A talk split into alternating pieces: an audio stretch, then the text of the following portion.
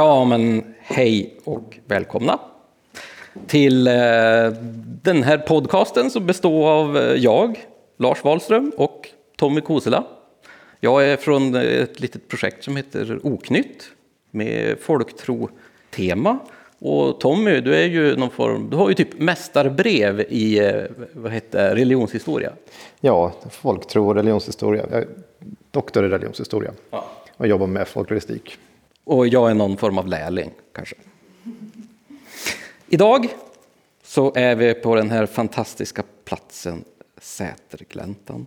Det här är ett institut för slöjd och hantverk vid Insjön i Dalarna. Och ni har ju faktiskt gjort något helt fantastiskt nu i sommar. Ni har ju firat 100 års jubileum. Det tycker jag är skithäftigt. Jag tycker att ni borde dra en riktig applåd. Jag ska göra det i alla fall.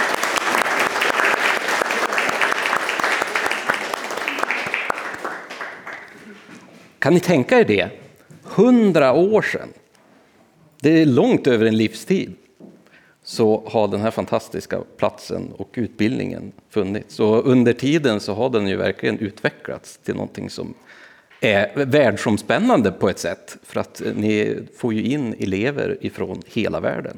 Med just de här inriktningarna kring vävning och sy och, och trä och, och smide. Och det är så himla läckert. Och naturligtvis, det är ju lite det vi ska prata om idag, hade vi tänkt. Vi hade tänkt att prata lite om hantverkets magi. Alltså den folktro och de traditioner och de magiska föreställningar som man har kring ja, hantverksskrået på ett sätt. Vad tänkte man kring smeden? Vilka små rutiner och ritualer har man i smedjan? Och eh, hur ska man göra egentligen när man håller på att sy och väva så att det inte blir helt fel? Får du vända det ut och in det här tyget eller eh, måste du göra på ett specifikt sätt? För det är ju faktiskt så här att under hela människans existens så har ju hantverk och slöjdande varit otroligt viktigt för vår överlevnad som art. Det har gjort att vi kunnat skydda oss från väder och vind. Det har gjort att vi kan utveckla och bygga upp vårt samhälle med material och verktyg och kunskapstradering. Alltså vi har hittat sätt där vi kan föra vidare kunskap på ett strukturerat sätt.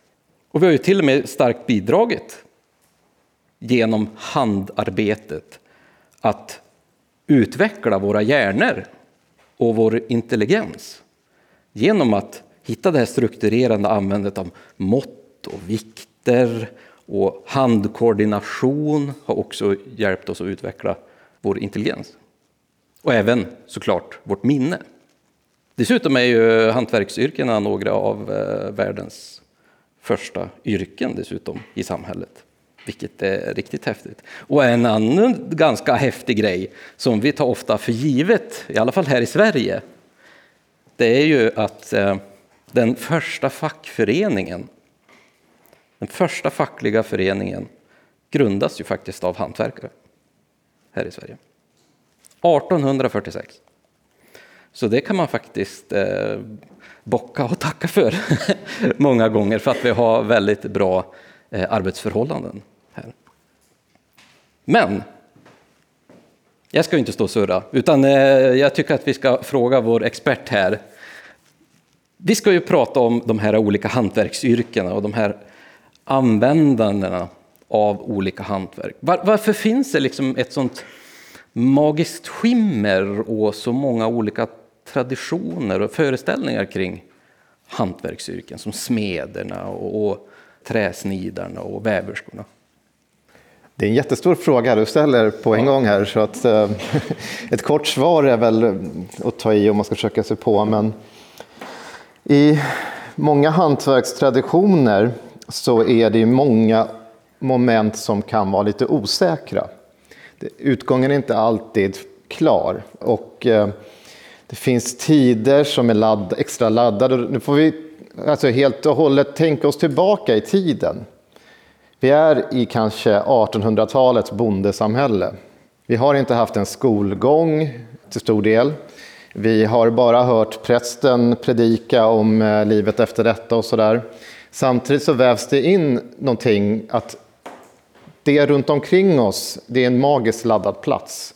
Det finns eh, andeväsen och annat runt om oss som man har hört av de äldsta i bygden. Och saker och ting, om man ska brygga exempelvis, om man ska smida någonting, så är det inte alltid, även om man gör på samma sätt, att det blir samma utgång. Och hur ska man förklara detta innan man kanske förstår sig på kemi och andra saker?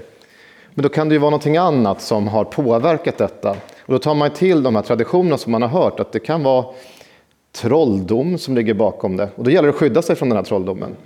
Det kan också vara som man väver, att eh, om det inte blir bra så att säga, det kan också ha att göra med att du har en avundsjuk granne eller någonting annat. Alltså man, man är i oro för vävlyckan och för smideslyckan och sådana saker. Så att det gäller på olika sätt att bevara att den här tekniken så att utgången hela tiden blir bra.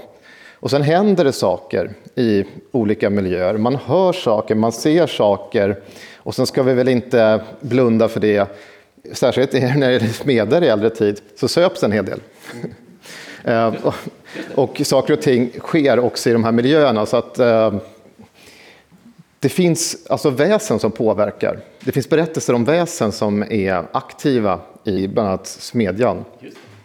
Eh, jag tänkte börja med att prata lite grann om det. Mm. För att vi ska inte gå in till när man tar fram malm och sånt där, för då ska vi i så fall behöva prata om gruvrå och andra saker. Men vissa delar som kommer in i liksom den miljön där smeden verkar, så är det ju föreställningar om spöken finns. Det är något som finns överallt. Vita frun eh, omtalas ibland i en del eh, smedjor som en spökkvinna. Man vet inte så mycket om henne, för det är ingen som mig veterligen har forskat på Vita frun i den här miljön. Men det är en Vita frun som ni kanske känner igen annars är ju någonting som vi hittar i slott och i många olika typer av miljöer. Det är alltså en kvinna som visar sig. Och min eh, killgissning nu är att det kanske har någonting att göra med ett gruvråföreställningar som hänger kvar på något sätt här. Men det finns andra väsen som är mer aktiva i smedjan. Och ett sådant väsen som det finns en hel del berättelser om är tomten. Ja, åh, jag gillar tomten. Och man tänker sig oftast gårdstomten, då, som man brukar säga, den har ju så många olika namn dialektalt beroende på vart man befinner sig. Men nu säger vi tomte så vet alla vad vi pratar om. Brukar ju hålla till oftast på bondgården och hjälper till med arbetet där för bonden. Men det finns också en som håller till i, i smedjan. Man kan se den ibland. Det finns berättelser om drängar eller en, en, smed som kan komma vid fel tid. Ibland så natten ska man inte jobba, det är ju liksom den övernaturliga tid. Då kan man höra ljud där inne, man kan se saker. Jag tänkte faktiskt ta och läsa en liten berättelse om en sådan tomte. Så att ni ska få höra hur ett, ett möte kunde gå till. Då, då får, kanske ni får bra tips också på om ni ser någon där inne i smedjan som inte borde vara där, så då vet ni ju vem det är. Så. Och innan jag läser det ska jag säga att nu pratar vi om smedjan och tomtar där, men tomtar finns faktiskt på andra håll också. Det finns ju skeppstomtar och kvarntomtar och sånt också, så att tomtar fanns det gott om. Inte bara på, äh, på loftet. Inte bara på loftet, nej. och det här är en berättelse som då är från Graninge. I, det, det här är från Karl Herman Tillhagens bok Järnet och människan, verklighet och vidskepelse. Och han har inte skrivit, jag gissar på att det är Graninge, Ångermanland. Då har han den här upptäckten som är, där i, nu försöker jag normalisera det här språket för på dialekt. Där i smedjan fanns, fanns det tomtar. Och det var bra när tomten var framme. Då brukade det bli bra smide. Han var ju som en egendom, tomten, som hörde, eh, som hörde till verket. Men det var nog stordelen som aldrig såg en. Så en Jöns eh, Flemström gick brandvakt en natt. Och då tittade han in i en springa i hammarväggen och då fick han se att hammaren gick. Men inte ett ljud hörde han. Småtomtar höll just på att smälta och, och arbeta och stod i. Men då råkade han röra vid dörren och då försvann tomtarna direkt och det blev verkligen kolsvart. Och då får man tänka sig att han gick brandvakt och det var, om det blir kolsvart på den här tiden innan elektriciteten och allting så pratar vi verkligen Bäckmörkt. mitt, i, mitt i det mörkaste kolet. Ja. Ibland så kan vi också möta Näcken som kommer också in i smedjemiljön. Och ibland pratas det om näcktomtar också, som är en sammanblandning med dessa väsen. Nämen. Vad va spännande med Näcken, för Näcken brukar man väl kanske ofta ha i någon form av eh, ganska negativa konnotationer, att eh, han är inte så där jättebra. Tomten kan man ju få hjälp av naturligtvis, även om han kan vara lite sträv. Men Näcken, vad va spännande, är han där bara för att ställa till då? Jag tror att det har, sammanblandningen har gjort att kvarn, kvarnen så har man en kvarngubbe och sånt också, som kan vara en tomte eller en näck beroende på hur det ser ut, eller en strömkar eller någonting. Så därav kommer en sån här eh, dialektal form fram som eh, ja. näcktomte. Men tomten är ju här inte bara en figur som arbetar och står i, utan den upprätthåller ordningen på platsen. Det är, ju, det är huvudfunktionen av sådana här tomter. Det är inte bara någonting man berättar om för att det ska vara kul och så, eh, förklara det om man inte förstår, utan tomten har ju en moralisk funktion som ser till att man upprätthåller en strikt ordning på den här platsen. Att man inte arbetar vissa tider där man inte bör arbeta, vissa vilodagar, vissa helgdagar och, och nätter. Och eh, den som bryter mot detta kan, precis som den vanliga gårdstomten, i smeden också straffas av tomten. Mm. Så att om man har lämnat någonting framme och inte städat undan i smedjan så kanske man får en smäll på käften av tomten. Det brukar så, så kan det absolut bli. Eller ännu värre kanske för en smed att inte saker och ting blir som det ska sen. Ja, just det. Att han förstör. Och det finns ju den här idén som vi fick höra redan igår när vi kom hit, att man inte ska lägga hammaren på städet och sådana saker. Ja, det kanske ni har hört någon gång förstås. Och det finns ju också jag tittade lite grann på det och ibland pratar man om djävulen, ibland annat, men att eh, vättar har jag sett som en sån förklaring att då arbetar de och det vill man inte heller att då tar de över så att säga smedjan. Just men, det. Och det är klart, det är ju ett ganska högt, högljutt eh, arbete så att eh, det handlar väl också om att man inte ska störa under nätterna. Och sen kan vi till det hela när vi pratar hantverk och det kommer ju även gälla det textila arbetet och sånt också, att de övernaturliga väsena sysslar också med detta. De är ju spegelbilder av människan. Så trollen eh, och i viss mån till och med jättar som brukar vara utdöda beroende på vart i Sverige man lever. Men eh, många av de som lever i familjebildningar, kollektiv, sysslar med samma saker som människan. Och de är, de är experter på det de gör, så att ibland kan man ha lycka av att faktiskt ha ett samröre med dem. Om man ja, för, oftast kan det väl vara ungefär som med Näcken, att man även kanske kan få eh, bra tips, eller att man faktiskt kan lära sig Ja, det, Näcken skulle jag nog däremot hålla mig ifrån. Det, det, det, är en av de få som inte har så mycket positiva. Nej. Om man inte är spelman och säljer sin själ till djävulen. Då, eh, det, är sant, det är sant. Men när vi ändå är inne på smeden här, vi kommer ju naturligtvis att liksom glida över många av de här olika hantverken och handarbetena.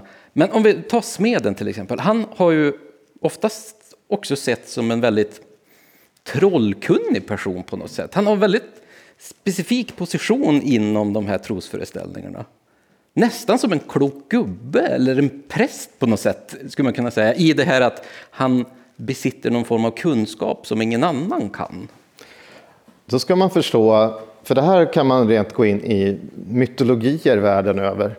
För att Smeden har en magiskt laddad funktion och är den som skapar de goda redskapen och vapen och annat till gudarna redan. Mm. Vi kan ta redan i grekiska mytologin så är det Hephaistos som gör det här till gudarna. Och man ska inte jäklas med den här guden. Det finns ju hur många myter som helst om Hephaistos också. I en av dem så föds han med klumpfot och sådär, så Hera vill inte ha med honom att göra. Så han får inte bo på Olympen. Och då straffar han henne genom att smida en guldtron till henne. Och då sätter hon sig den och fjättras fast, hon kommer inte loss. Och gudarna försöker på olika sätt få henne att komma därifrån och det går inte. Tills Dionysos, då, vinguden, eh, super honom full helt enkelt. Och då blir alla glada och vänner till slut. men, men han gör ju de mesta av de här, även i grekisk mytologi, föremålen som gudarna har som är, eller hjältarna som är lite mer än annat, det kommer av Hephaistos. Precis som i fornnordisk mytologi så har du ju dvärgarna som gör samma saker åt gudarna. De har en liknande roll. Och du har även den mytologiska smeder som Völund smed, som finns i, den germanska världen, om man säger språkligt, så finns den här smeden också omnämnd, Veland och lite olika saker i England och Tyskland mm. och sådär. Så att eh, smeden har en sån funktion och där följer med långt senare även in i den yngre folktron, 1800-talet. För att smeden kan förvandla någonting, han skapar någonting av någonting dött nästan. Så skapar han någonting med eld och annat. Så att det ser ju väldigt speciellt ut. Och dessutom är det stål och järn, det som skyddar mot ömnaturliga väsen, som, som smeden till stor del använder sig av. Jag har en favoritberättelse, eller en favoritsmed kan man väl säga, som eh, jag har skrivit lite grann om. Han hette Gustav Eriksson och var verksam i mitten på 1800-talet. Han, vill, han, skulle först utbilda sig till, hans föräldrar ville att han skulle bli präst i Eskilstuna, men sen ville han bli guldsmed. Och sen övergav han det och sysslade med, blev grovsmed helt enkelt. Och sen blev han intresserad tidigt, det här är en riktig person, på 1870-talet och började samla in folkminnen i Sörmland. Så han gick runt i bygderna och samlade in berättelser och skrev av och sådär. Mycket trollformler och sånt, vilket är väldigt roligt. Men trollformerna är särskilt spännande med honom. För att han var en utbildad smed. Och det finns en berättelse han beskriver om, så är han i en stuga, så rycker det in ur, ur liksom spisen så allting är och han kan se rent tekniskt vad som är fel, så han kan, han kan rätta till eh, det här. Han ser det i spelet någonting som, någonting som ska liksom fixas mm. till. Men de vägrar tro på det, att det, han är ju trolldomskunnig, han är också smed. Han fixar bössor och annat också till folk. Så att i hans samlingar kunde han byta till sig eh, alltså en typ av trollformler som annars vi som arbetar i arkiv sällan ser. Alltså sånt här som om du ska bota någon eh, mot någonting så ska patienten äta upp det eller så ska det elda upp det efter det här. Så det här är ingenting som, som liksom bevaras. Men han har lyckats få sådana formler byta till så han vet, visste vad det var. Men att han kom in till stugorna och gick så bra, det var för att de trodde att han var trolldomskunnig och visste vad rädda för. Och det var mycket för att han var både smed och därmed också trolldomskunnig. In, inbak. Men då kanske ni på arkivet skulle börja anställa lite smeder då som åker runt i landet och liksom Absolut. Samla, mer, samla, mer trollformler till oss. Ja, det vore ju jätte, det kanske vore någonting. Om inte annat är det skrämmande att ha en person som kommer in med en stor hammare och be om att få en massa information. Och det där med hammare är förresten kul när vi ändå pratar om gamla saker för att det finns ju föreställningar, som ni alla vet i fornnordisk mytologi så är ju en av de största gudarna, Tor, har ju en hammare som vapen. Mm. Vilket är ett ganska udda vapen. Mm. Han beskrivs ju inte på något sätt som någon smed. Men däremot så lever idéerna kvar att, att såna här, eh, vad heter det, torviggar och sånt där som är som stenåldersyxor man hittar ibland i åkrarna. Då tänker man att det är där blixten har slagit ner. Mm. Och de heter ju torvigg och sånt där ibland. Och de kan man i, finns det ju massa berättelser om hur man har använt dem där för att tända masugnen eller någonting med. Och det har ju en direkt och parallell nästan till ja. tor. Det, eh, det påminner ju lite grann också, jag menar när man står och slår på vissa typer av metaller så gnistrar det så här. Det är ju ganska effektfullt och det påminner ju lite grann om en slags blixt också, ungefär som, som eh, Tor själv ska kunna göra. Men du, förutom att smeden är liksom trollkunnig så verkar han ju också ganska slug. Mm. Jag vet, vi har hört några berättelser förut att han kan liksom lura de makter som man kanske inte är van vid att kunna lura, typ djävulen själv. Mm. Ja, det, det stämmer. Eh, och det är inte något som bara finns i Sverige utan även i England och sådär också. Djävulen är ju det mest skrämmande som finns i bondesamhället. Dels har du så man ska kunna säga, den kosmiska djävulen som prästen predikar om. Men samtidigt har du också i folktron en, en djävul som mer blir som ett väsen som blir lite dummare och lättlurad. Och det finns en komisk eh, ton i de här berättelserna att man på olika sätt överlistar djävulen. Och den som gör det i flera av de här är ju faktiskt smeden. Mm. Så att djävulen kommer och ska ha smedens själ. Då, då, kommer en utmaning och då gäller det hela tiden för smeden att hitta på någonting som eh, överlistar djävulen. Och oftast så fastnar djävulen till slut i städet och kommer inte loss och då innan han upphäver det här så kallade kontraktet då, så, så då överlistas han av smeden helt enkelt. Annars kan det också vara en bonde som säger ibland att eh, de ska tävla ihop om att odla. Så det, ena ska han ha det som är över eller under marken och så, så är alltid bonden klipskare och säger det som är bra upp till är det som han säger sin omgång och så tvärtom. Men smeden är absolut något som förekommer många gånger i de här berättelserna. Ja.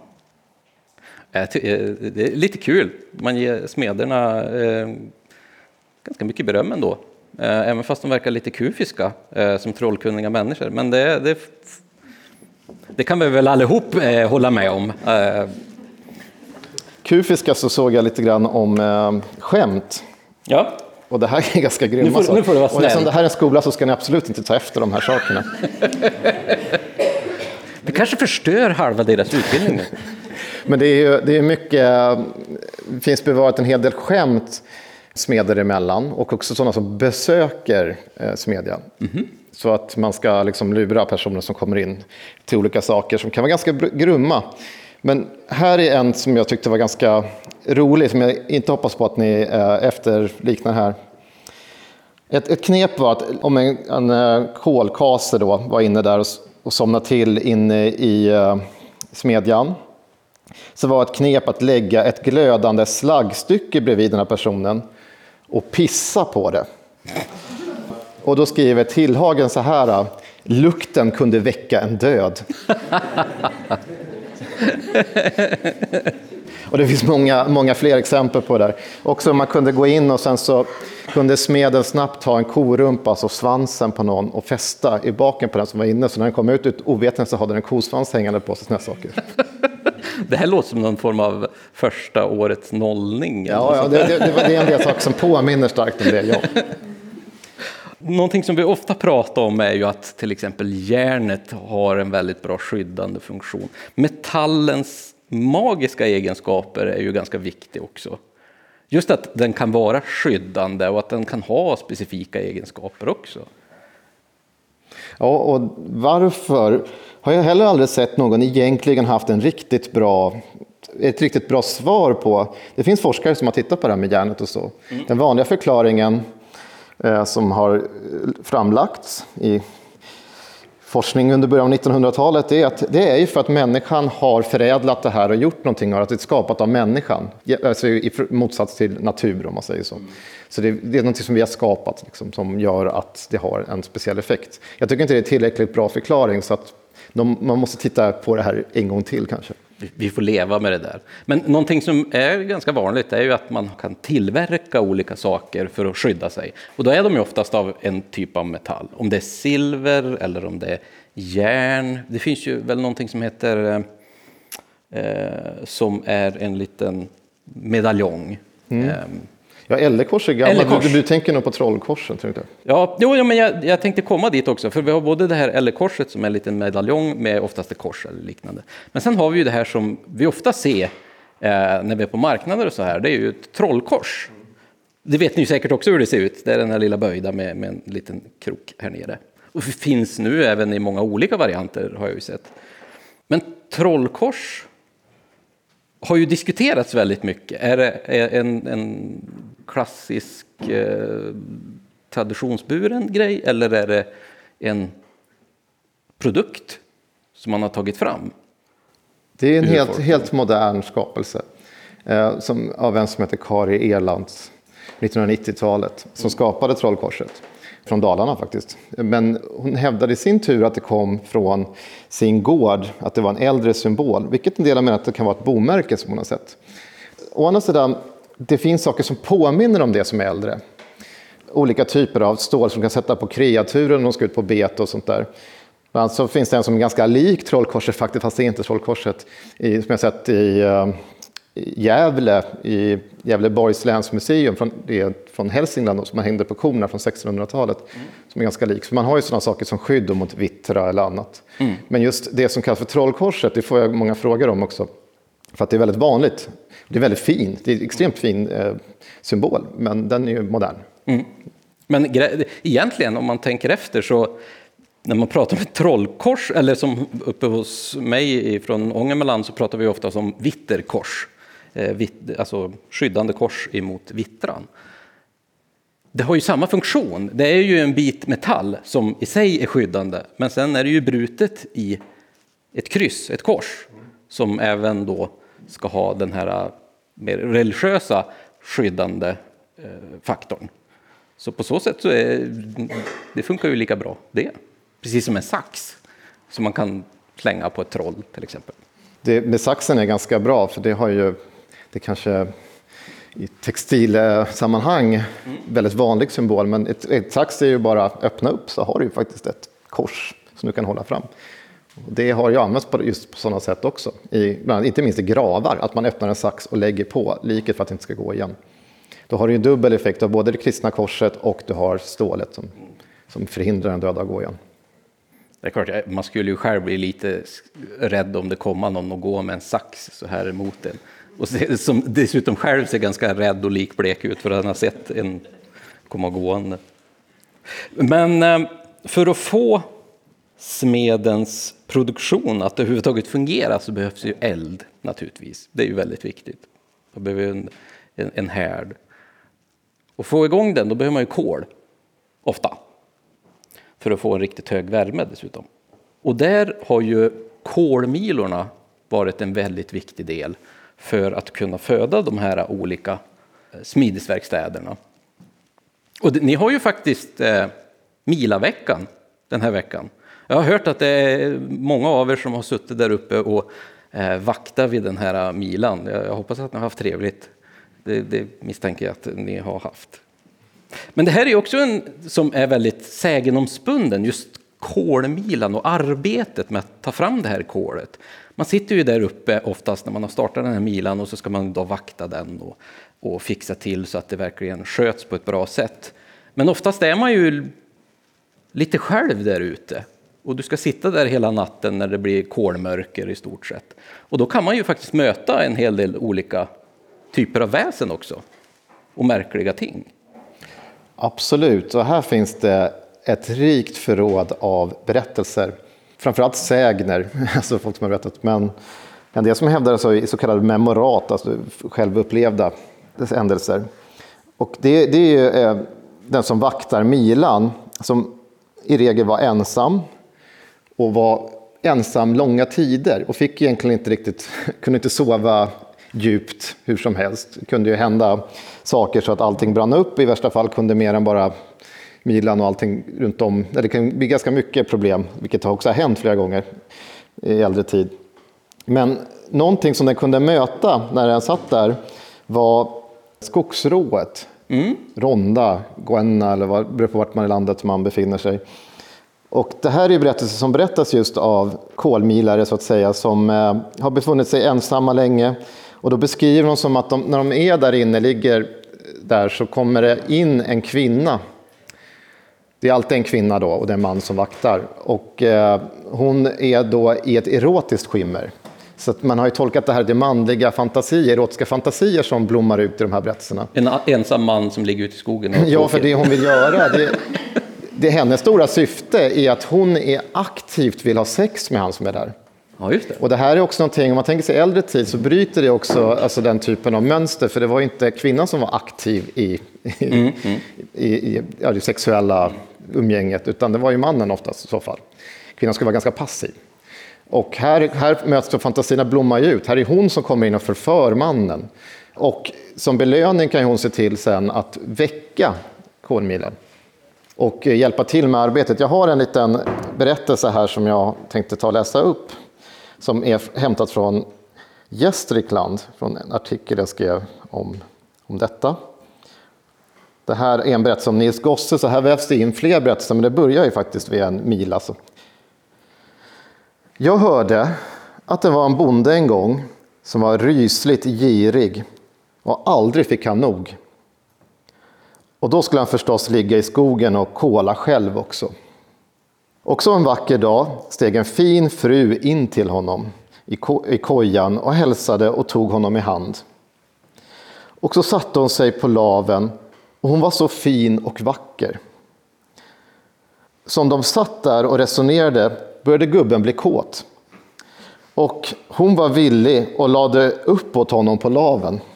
Här får ni använda fantasin själva.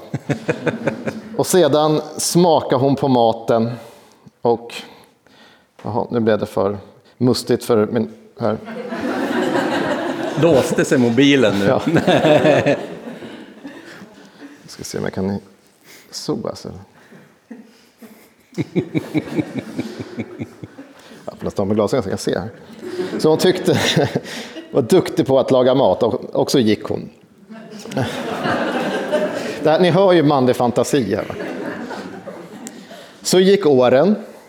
Så en dag kom en pojke, en stor och frisk pojke till bondgården och han frågade Har du någonting att göra åt mig? Ja, vad kan du göra då? Jag kan hugga kolved och räta in milor, sade pojken. Så fick han då arbete hos gubben och blev skickad till skogen att räta in en mila.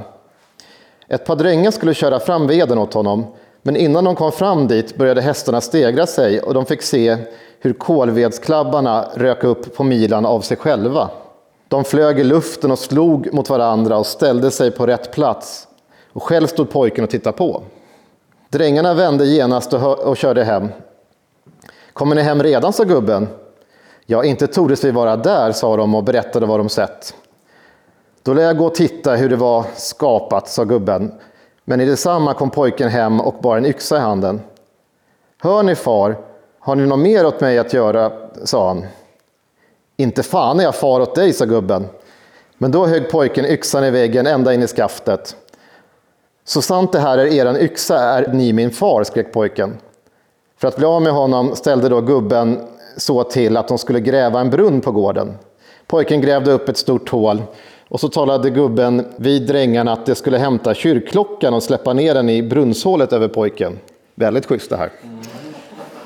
De gjorde så, men pojken sa det var en sjujävla fin pikmyssa ni gav mig och kröp upp i brunnen med kyrkklockan på huvudet. Gubben var rådlös, men kärringen hans hittade på råd. Så han hade uppenbarligen en riktig kvinna här hemma också. Nästa morgon när pojken satt och åt sa hon, idag ska jag ge Nils Gosse, så hette pojken, att göra. Så gick hon och ryckte ur sig några hårstrån ner till på kroppen. Och kan ni också använda fantasin till vart det är? Och kom in med dem. Han ska räta ut de här, sa hon. Och sådana hårstrån är ju knollriga. Pojken tog en hammare och, hammare och försökte knacka ut håren på den heta spishällen, men hettan gjorde dem ännu knollrigare. Men då kastade han hammaren och gick och så vart det av med honom. Så ni kan nästan höra. Och i det här finns det flera alltså, så kallade motiv, motiv som är ganska roliga. För att jag sa att när, när eh, smeden lurar djävulen så är det faktiskt också en, en rådig kvinna som kommer och drar några hårstrån ner till och mm. ger och säger att hon ska räta ut dem. Precis samma berättelse finns exempelvis i England. Och det är samma med det med knollriga knollriga och djävulen ger till slut upp för han blir bannad över detta. Så ja, Ja, eh, man kan ju, jag ska inte alls fråga er vad ni har mött där ute i de här nätterna, eh, utan det, det, kan ni ju hålla för er själva, bland er själva, eh, till er egen fantasi. Kanske blev bjuden på någon god mat.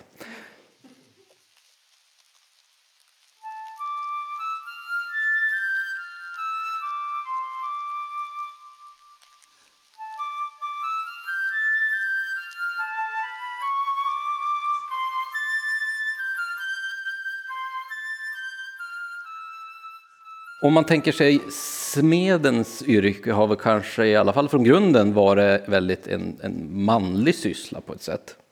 Och till, motsvarigheten till det historiskt har ju också då varit sykonsten och vävningens konst.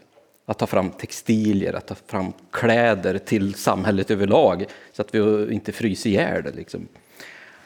Och även vävning har ju en ganska stor betydelse inom folktraditionen. Jag menar, redan i fornordisk tid så har vi ju ganska halvgroteska beskrivningar hur man kan sitta och väva. Vi har ju bland annat de här valkyriorna som eh, sitter och väver inför striden till exempel. Jo, men det stämmer. Alltså, det textilarbete med stickning och sy gjorde ju män också, men alltså, eh, vävning och spinna var ju däremot någonting som kvinnan sysslade med. Mm. Och eh, det här går ju tillbaka, och nu ska jag ta, om jag redan tagit en parallell till Grekland så kan man göra det här också. För de har ju också ödesgudinnor i grekisk mytologi.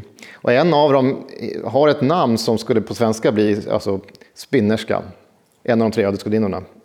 Och samma funktion har du också i fornnordisk mytologi där du har nornorna som också väver eller spinner. spinner är väl vad man brukar säga, om ödestrådarna av människans liv. Och de här står både i grekisk mytologi och fornnordisk mytologi över gudarna. Mm. Så att det är ödet som ingen rår över, så att säga. Och du har ju en del utslag, du, du, nämnde här vissa valkyrior, för de är de som ska hämta de döda på slagfältet. Deras namn betyder den som väljer bland de döda. Och eh, det finns en sån beskrivning i en saga, Njals saga, om hur eh, det sitter i en drömmar, en, som förmodligen är valkyrier, och spinner och då är det med inälvor och allt möjligt som liksom de spinner av. Så att det är, spinner liksom utgången och visar i drömmen hur det kommer bli. Det är ganska groteskt mm. ja, beskrivet. Men det är väldigt spännande, häftig bild samtidigt. ja, men det, det, jag tyckte just det där är så fascinerande när, när man pratar om de här ödesgudinnorna till exempel som, som spinner ödet och livets väv i stort sett. Att det faktiskt kan stå över gudarna. Att det är de som verkligen bestämmer och kan se in i framtiden genom den här konsten. Tycker jag är väldigt läckert på ett sätt. Men vi har väl lite spännande grejer om just eh, det finns, Egentligen finns det hur mycket som helst. Också. Vad vi, vad vi sa här liksom inför det här ämnet, det är så pass eh, stort. Så varje del skulle man kunna göra ett långt avsnitt. Som ni som, som har lyssnat på vår podd kanske vet att vi pratar ibland två timmar ish om ett, om ett ämne. Och här skulle man kunna ha de olika momenten minst två timmar per del om man så skulle vilja. Jag tänkte faktiskt börja med eh, att läsa en saga. Det var lite oväntat kanske, men... Ja, ja, i alla fall utan Eva som brukar läsa in ja. våra sagor. Men eh, vi får vi lyssna får på dig. med mig här. Och ja. det här är en saga som jag tyckte var lite kul att läsa för att eh, alla känner till den här i, en viss, i vissa tappningar. Det här kommer vara en variant av Askungen, en svensk sådan. Och som alla vet så finns det i momenten här som har med dräkter och så att göra. Men den här är då från Skåne och eh, handlar om frian som lärde, sig, eh, lärde flickan väva. Det var en gång en gumma som hade en styvdotter som var vacker som en lilja och hon blev grannare för varje dag som gick. Men gummans egen dotter var ful som stryk och allt eftersom tiden gick blev hon för var dag en rynka fulare och ett glåpord elakare. Det hjälpte inte att gumman köpte henne fina kläder och pysslade om henne på alla de sätt.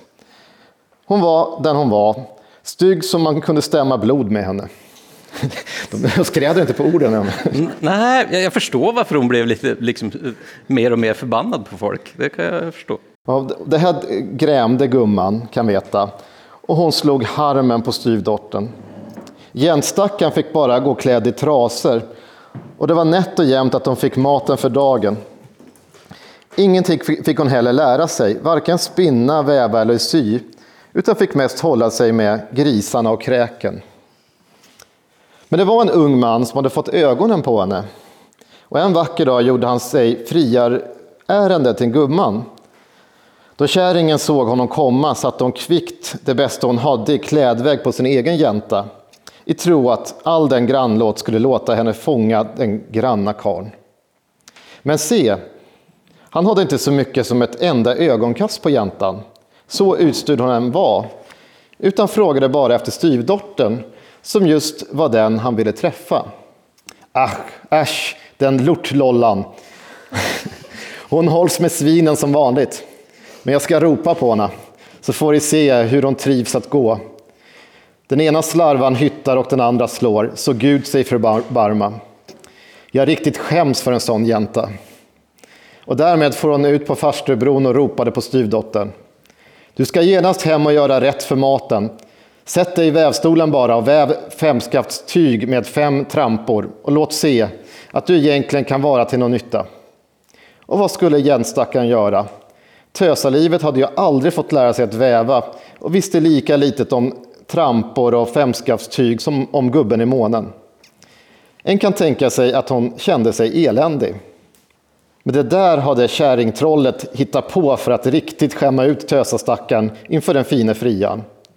Och tösen satt där i vävstolen och trampade och slog och slog och trampade.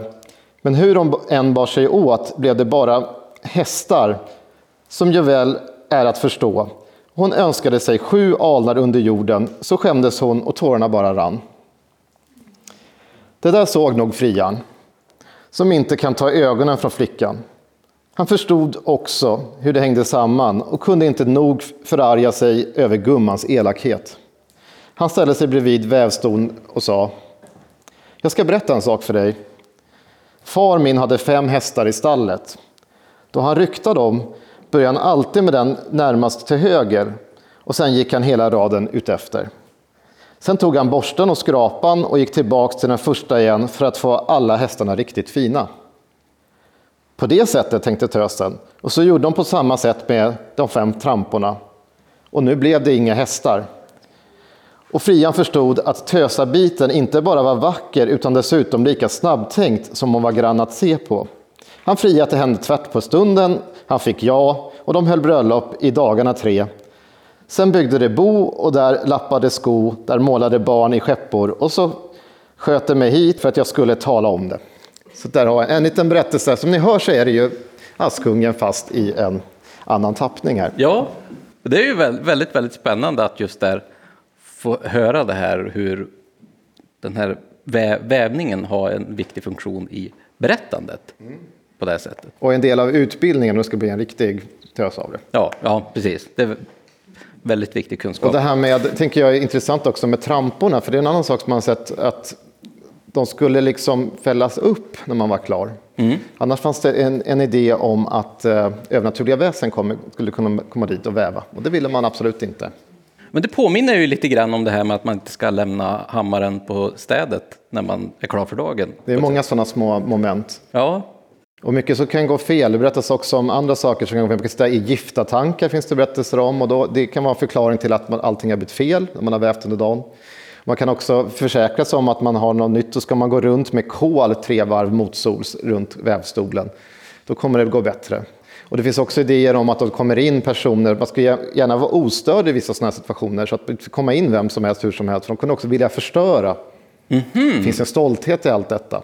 Det är ju liksom en eh, hantverkstradition som förs vidare, om att det tar tid att lära sig. Och det finns andra som kan vara avundsjuka och vilja förstöra. Det finns mycket sånt där i, i eh, materialet från 1800-talet. Mycket handlar om att det är elaka grannar som förstör. Mm. Eller att man själv som utövare kanske pysslar med det här som vi idag kallar för gatekeeping. Att man eh, vägrar lära ut sina kunskaper för att man tycker att man är lite bättre än andra.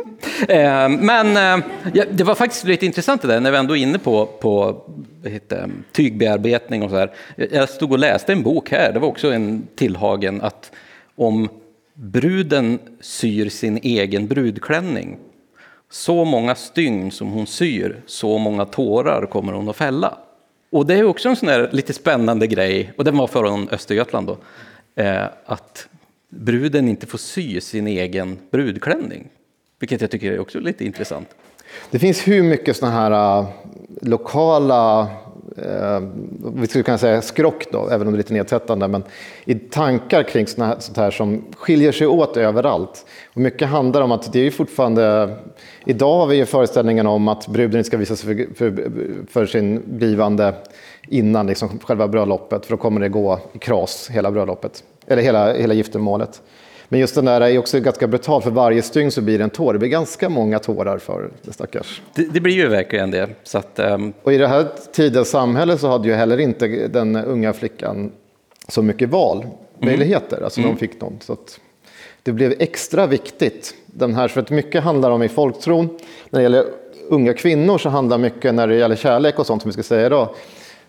Det, det är mycket tankar och önskemål för att går det fel så kan det gå jäkligt fel så att säga. Så att eh, man blir fast i ett förhållande som man absolut kanske inte önskar vara i och det går inte heller att ta sig ur riktigt i den här tiden. Och då finns det jättemycket föreställningar som handlar kring det. Även där, för att det ska komma undan eh, lite sånt som man inte vill kanske. Och precis som i smedens fall, där metallen har en skyddande eh, funktion, så har vi också ett antal eh, exempel på när man syr in skyddande saker i tyger och kläder. Jag vet Bengt af Klintberg berättade en gång om att man kunde sy in salmeblad i solhatten till exempel, eller inuti klänningen för att det skulle få den här skyddande faktorn mot onda ting och onda väsen. Trolldom. Och, trolldom överlag. Det var ju någonting som är svårt att förstå idag, rädslan för trolldom, som fanns överallt egentligen. Mm. Alltså den, det var ju allt ifrån onda ögat till ja, verklig trolldom, att man förstörde för personer, satte sjukdomar på personer och allt möjligt. För det var så mycket man inte begrep sig på som ju då förklaras av att det kommer av trolldom. Så det, det, är mycket den biten som finns. Och det är också det som handlar mycket, jag tänkte på små saker som man ska göra för att upprätthålla en balans är kanske det som man är ute efter. Och, och sen försöker man skydda sig mot det som är utanför där som psalmblad naturligtvis. allt som kommer från kyrkan är extremt starkt skydd mot trolldom och eh, det, det övernaturliga. Men också stål och järn och sånt där kommer som skydd mot det övernaturliga. Så det går också med sådana delar att skydda sig. Just knappar till exempel har ju många olika funktioner eh, och eh, delar i olika berättelser. Det kan antingen fungera som en gevärskula eller att det just är en knapp som är i någon form av metall som har en skyddande del. Men sen handlar det också om till exempel att man kan brodera in Guds ord i många klädnader också som en skyddande del i det här. I, exempelvis, nu har vi utanför Sverige, men i, i den muslimska världen finns det exempel vid äldre tid att man har korancitat och sånt där på i kläderna som också skydd, ett magiskt skydd. Som en rustning helt enkelt blir det ju. Och det, det, kan vi ju också se i smidesföremål och även i träsnidandets konst. Eh, när man tänker om träsnidande och kanske fornordisk tid, då, då har vi ju verkligen att man ristar runor till exempel. Och det ser vi också på många historiska föremål så är ju träsnideriet något av, i alla fall för min del, något av det mest fascinerande man kan gå och titta på när man är på olika museum. Eh, och verkligen se de här till exempel gamla kisterna, gamla allmogemöblerna som man har snidat in en mängd olika fina motiv. Och faktiskt väldigt många gånger att man till och med har snidat in olika varelser och väsen det, som motiv. Då, då, det, då, handlar det mest om dekorativ funktion. Mm. Förutom i vissa kanske större kyrkbyggen och sånt där så kan det ju vara, men då är det sten att man har eh, drakar någonting och det skyddar ju utåt. Mm. Vilket märkligt nog att det skyddar mot onda, det onda. Mm. Men när det gäller, där är det mest dekorativt, det som har mest en magisk laddning det är när man ristar in symboler i, i, i träet. Mm. Det kan vara allt ifrån bryggkaret eller någonting, att man ristar in symboler. Det kan vara pentagram och sånt som folk känner igen idag också såklart. Som ett skydd för att det inte ska bli fel i brygden eller skydda mot trolldom. Så sådana saker finns ju bevarat, det finns på många museer exempel på hur man har försökt skydda sina olika ting mm. man har skapat. Ja, verkligen. Och där har ju även träbearbetarens egna verktyg har ju där också en egen funktion, precis som hos smeden. Att mycket av de verktygen som en snickare eller en, en slöjdare använder är ju oftast av stål. Och knivar till exempel ser vi ju oftast att det kan ha väldigt bra skyddande funktion, till exempel för att stämma näcken i bäcken, som man kan säga. Att man hugger ner den och säger några ord. Jag har faktiskt en, jag kan få ta den, en liten sån här. Det går ihop lite grann med yxor, alltså timmeryxor och eh, smeder. För det, det, är så här, jag har en, min, nu ska vi se, det är min farfars farfar blir det tror jag. Ja, min farfars farfar. Han var en smed ifrån den bygd som jag kommer ifrån, Björna. Och han hette Nils Olsson, eller Nirsorsen som man sa det. Han var tydligen en väldigt där berömd smed som smidde yxor, han smidde, smidde liar och lite allt möjligt. Och det var så här att under en viss tid i Björna samhälle så höll man på att eh, bygga järnvägen. Och då behöver man mycket timmer för att kunna bygga de här eh, sliperserna. Och då är man ute i skogen och så hugger man ner dem och så håller man på att tälja till dem då, så att de blir snygga och fina och fyrkantiga och så här. Och det var ett sånt arbetslag som var där ute i skogen och sen kommer det då en förman som kommer någonstans ifrån södra Sverige eller i grannstan eller sådär. Och då gick han ju och tittade och inspekterade, liksom, kollade på de som jobbade där och så såg han hur de stod där med, och slog med bilarna och liksom snygga till. Och han sa, herregud, ni behöver inte hyvla de här eh, järnvägssliperserna. De var ju så himla släta liksom. Ja, men då säger den här gubben som står där då så här, tucka, tucka. Nej, men vi hyvlar inte utan jag står bara och kör med bilan. Och jädrar, säger den här förmannen. Står det bara med bilan? Alltså en sån där bila måste jag ju ha eftersom han verkar så vass och bra så att det nästan ser hyvlat ut. Hur kan jag få tag på en sån där? Jo, säger han, det, du får du nog gå och fråga nishorsen för det är han som har smidd alla våra såna här eh, yxor. Jaha, säger jag, vart bor han då någonstans? Ja, han bor där borta neröver. Okej, okay, ja, men då tar han och far dit. Så, då, eh, nästa dag så kommer han dit till Nils Olsson och eh, kommer och säger att eh, jag vill att du ska ta och tillverka en sån här yxa åt mig. Så hade han med sig en ritning som han hade ritat ner och Nils han tittade på den här och så, det såg ju väldigt konstigt ut. Det var, det var verkligen någon hemgjord modell som han aldrig själv har sett. Men visst, han var ju en rättskaffens man och han tog ju gärna på sig ett arbete. För eh, den här förmannen sa ju att du måste absolut följa ritningen precis som jag har gjort. Ja, ja, jag gör det. Och så gick det någon dag och sen då kommer den här förmannen tillbaka för att nu vill jag ha min yxa som Nils Olsson har gjort. Ja, då kommer Nils då, då tar han fram den här yxan och så det här yxhuvudet då. Ja, den såg ju jättebra ut så här precis efter ritningen. Men då säger ju då förmannen, ja men vad är det här för någonting? Du kan ju inte ha, vad är det här? Det finns ju inget öga i yxhuvudet. Jag får inte hit något skaft. Det var ju alldeles homogent. Ja, men då säger ju Nils, ja men du hade ju inte ritat in något på ritningen.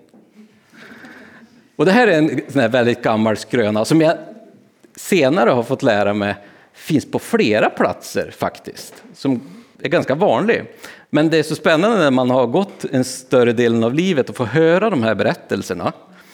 Och man tänker att det här är väldigt speciellt och dessutom när det är kopplat till en själv, till sin egen släkting, så blir det så väldigt spännande. Men det blir samtidigt ännu mer spännande att veta att det här har man hört på andra platser med andra smeder som är väldigt duktiga. Och ja, det, jag tyckte det är så himla spännande just det här med, med den här berättartraditionen som för sånt här vidare. Mm. Jag tänker för att, nu tittar jag mot klockan tyvärr och ser att det börjar dra ihop sig, men någonting som jag inte har pratat om, jag nämnde, men som är också ganska viktigt i sådana här sammanhang när det gäller egentligen alla hantverkstraditioner vi har pratat om. Att vissa tider är ju väldigt laddade, då ska man inte arbeta. Vissa tider får inte saker som går runt. Alltså ett sån tid som är särskilt stark är ju påsk, stilla veckan. Det är ju en tid som man inte ska arbeta eller någonting. Man får gå till kyrkan och sådär. Och det gäller liksom, man ska inte spinna, väva och inte, ska inte heller jobba i smedjan eller hålla på med trä, trähantverk eller någonting annat. Utan allting ska vara stilla där.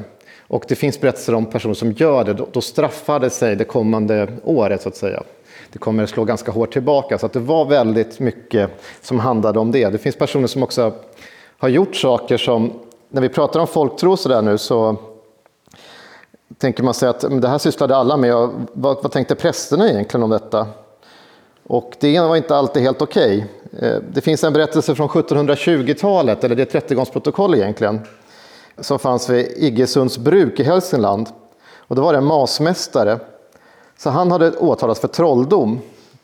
Och hans brott hade bestått i att han, samtidigt som masugnen hade tänts, han hade eldat med så kallad vresved och vid dammstenen så hade han satt ett träkors som han gjort av en avbruten sticka. Vidare hade han huggit ett kopparmynt i tre delar och lagt i sanden i bottenhällen. Allt för att få en bra, god blåsning i hyttan. Eh, för det här dömdes då, han fick straffades, fick böta och han kom ju hyfsat väl undan här kan man säga för att det var lite senare än tidigare, 1720, med 17 daler silvermynt. Eller slita spö, spön i sju dagar eh, med, och i handklovar i sockenstugväggen. Så var det de straffen. Och det säger jag kommer mildare undan, för hade det varit 30-40 år, 40 år innan, då hade han kanske i värsta fall kunnat dömas till döden om det hade varit ännu värre. Eh, det är ju verkligen, Stilla veckan har ju på många sätt bra koppling till just det här att man inte ska jobba. Man ska helst vara så tyst som möjligt. Och det är ju klart, det går ju inte att göra. Det är ju knappt man kan gå in i en smedja och inte leva om en massa. Om inte annat får man slå sig på tummen och skrik. Men precis som när man ska börja och trampa igång eh, vävstolen till exempel. Ja, precis. Vi håller ju på att överdriva här lite med tiden. Men jag har några lite grejer som jag skulle vilja höra med dig. De här verktygen som man använder när man gör olika hantverk. Alltså det kan vara, som jag nämnt, det kan vara den skärande äggen, det kan vara kniven, yxan och så vidare. Eller hammaren och städet. Och nålar till exempel har man ju också lite olika funktioner i eh, folktron. Att man kan se genom ett nålsöga eh, till exempel. Ja, fast det är, ju, det, är ju, det är ju att man ser igenom ett hål, så det, finns, det kan man ha betslet på en häst och sådär också. Men eh, det är att det har stål, allt det här. Eller att det liksom är järn, helt enkelt. Att det är det som gör att det skyddar mm. mot det övernaturliga. Och den vassa äggen är ju bara en, en förstärkning av det egentligen. Som eh, en klassiker är om man ska skydda sig kreaturen mot maran så kan man hänga upp en lie ovanför kon eller hästen och då kommer den kvinna i bygden som är Mara nattetid rida på lien och därmed kan man se vem som går och haltar dagen efter för hon har ju skurit upp sig där ner till, revinnansidan innansidan på låren. Så det, det är sådana metoder som, som beskrivs då. Men annars vistas det som du sa med näcken och annat. Man kan kasta stål över uh, vitterkor och sådär för att ta, ma få makt över dem. Och sen gäller det då att sköta sig väl för att de vill ju ha tillbaka sina kor. Och det är inte alltid. Ibland så säger de att de ska ha en kalv senare och glömmer man bort det så kan de ju bränna, i värsta fall bränna ner hela gården och sådana saker. Eller om de går eh, i fäbodar så är det ju andra saker de kan straffa med.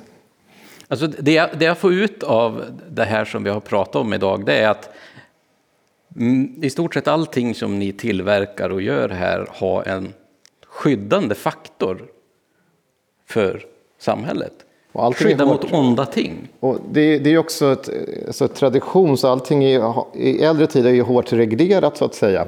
Olika moment. Nästan varenda moment som sysslar med inom de här hantverken har i äldre tid. Många av dem har haft olika tro eller skrock knutna till sig. Man ska klippa ner väven och sådana saker. Är också väldigt viktigt hur man ska bete sig. Och då kan det också handla om linet, hur det växer den första man möter, alltså första mötet på året eller så där kan också ha betydelse. Jag läste något tillfälle om man kommer, och det här kommer jag inte vilken, vilken av dagarna det är, men det är också en dag kopplat till senare så att det blir rätt i tid när linet växer. Att om det är en långhårig karl exempelvis som kommer in då till den här dagen, då skulle man få långt lin och det var positivt. Ja, det du får roligt. gå en sväng runt här då. ja, det är fel dag. De säger ingenting om långt skägg. Ja men du, den här tomten i verkstaden. Just det. Ja, ni ser. Men hörni, jag får tacka er så otroligt mycket och jag får ju såklart eh, skicka också ett stort tack till Sättergläntan för att vi får komma hit och prata om hantverk. För mig personligen så kommer det bli svinroligt att få gå runt och titta sen på era lokaler här, för jag är väldigt hantverksintresserad av massa olika hantverk eh, kring sömnad och eh, trähantverk och framförallt smide också. Så att, eh, även om jag är amatör så är det skitroligt. Eh, så jag, jag, jag, står lite på tår också och vill att vi ska sluta. Ehm. När vi har varit här så har vi tänkt lite grann på ämnet idag som vi bara har hunnit skrapa lite på ytan. Vi fick lite blodad tand. Vi tänkte att om ni lyssnar på vår podd så gillar vi att prata ganska länge om olika ämnen och det finns så oerhört mycket material. Så vi funderar på om vi ska ha framöver lite avsnitt som har med olika hantverk att göra. Skrocke eller. Ja, men du ser, vi har ett gott tecken här. Vi har gott tecken här. Nej, jag förstår det. Det är säkert jättemånga av er som sitter och varför har ni inte pratat om det där? Jag har en fråga om det där. Och vi kommer ju naturligtvis ha en, när vi avslutar här så kommer ni få ställa frågor till oss naturligtvis. Men jag har också en massa grejer som jag vill prata om. Men det är alltid så här när vi nej, är mån om tid så då får vi försöka komprimera. Jo, om man vill lyssna på oss så heter man som det gamla ordspråket, när man talar om trollen, heter vi. Eh, och vi finns lite överallt, eh, på Spotify och, och Apple Podcast och, och, överallt. Och, sen, eh, så, och det är ju våran Eh, ordinarie podcast kanske man skulle kunna säga, där vi pratar om folktro och traditioner och myter här uppe i Norden. Men sen har vi också vår Patreon-sida eh, som vi har gjort för våra medlemmar och lyssnare om de vill stödja oss i vårt arbete som vi gör på fritiden. Och där har vi ju minst lika mycket där vi har bland annat några serier där vi pratar om folktro, till exempel utanför vårt land. Där vi pratar om folktroväsen och traditioner. Hela över... världens folktro är det. Ja, jag vill göra en fin sån här äh, beskrivning, hela världens folktro. Eh, och sen har vi också en serie som heter Fornordisk mytologi, där jag tror vi har en bit över 30 avsnitt som är nästan lika långa som de ordinarie avsnitten, där vi pratar om fornordisk mytologi. Om asarna, gudarna, jättarna, allt detta. Och vill man följa oss på sociala medier så kan man följa oss på Oknytt Sverige. Bara. Han kan man följa på Instagram om man vill. Då heter han Suttungs Brew. Om man, om man gillar att se gammal konst är det framför allt jag lägger ut där. Så mm. inte så aktiv längre. Vill man se ny konst så kan man följa Oknytt Sverige. Ja, men som sagt, jag får tacka er så otroligt mycket så tar vi en liten frågestund sen.